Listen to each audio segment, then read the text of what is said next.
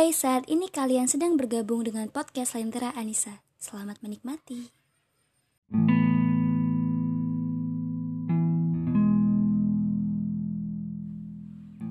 Tahun yang baru pasti memiliki cerita baru. Cerita sedih, marah, pusing, happy.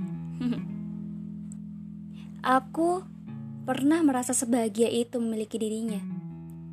Menutup kemungkinan diriku terluka olehnya, berjalan merasakan tangan hampa yang mendekap. Aku mulai memasukkan atom itu ke celah poriku. Merasa bahwa aku akan tampil sesempurna itu pikirku. Tak lama aku merasa itu tak berarti. Tiba-tiba olehnya, aku terlepas oleh atom penutup itu. Diriku mulai terbuka tiba-tiba merasakan sinar serta bayangannya dalam cerah poriku. Hangat, sejuk, dingin, hal lain yang kurasa. Itu sangat baru untukku. Tapi setelah itu lama-lama memuakanku. Aku mencoba hinggap dalam sinarnya terlalu dalam. Tapi bukan kehangatan yang kudapat, melainkan sengatan. Panas. Tapi tak apa. Aku akan berusaha tak terbakar.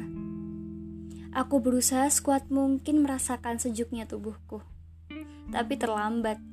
Dia telah terlambat menemukanku. Aku telah terbakar. Merasakan itu aku sadar. Aku tak bisa menghakimi diriku ataupun dirinya.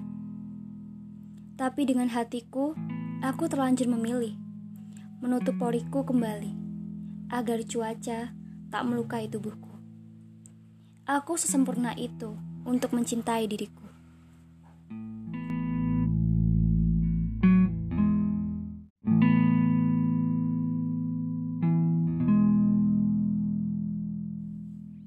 Untuk seseorang, itu banyak kita temukan, tapi tak apa. Setiap kehidupan butuh keseimbangan untuk memikat daya tarik bumi. Kau hanya perlu bersikap baik dan bersikap tegas pada dirimu. Tak perlu risau dengan perkataan orang yang berkata bahwa dirimu salah mengambil keputusan. Kau hanya perlu percaya pada hatimu. Percaya bahwa hatimu tak akan menghindar pada logika yang semestinya. Banyak orang berkata bahwa logika dan hati sangat bertentangan. Menurutku, mereka hanya dua kesatuan yang membentuk penengah dari dirimu.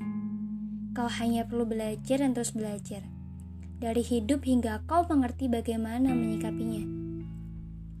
Aku rasa jika kalian memiliki keputusan yang tepat, lakukan saat itu juga.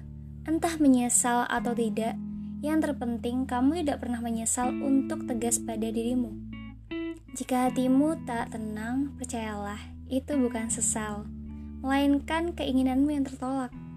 Dan semoga untuk hati yang tersakiti bisa kembali pada citra yang semestinya.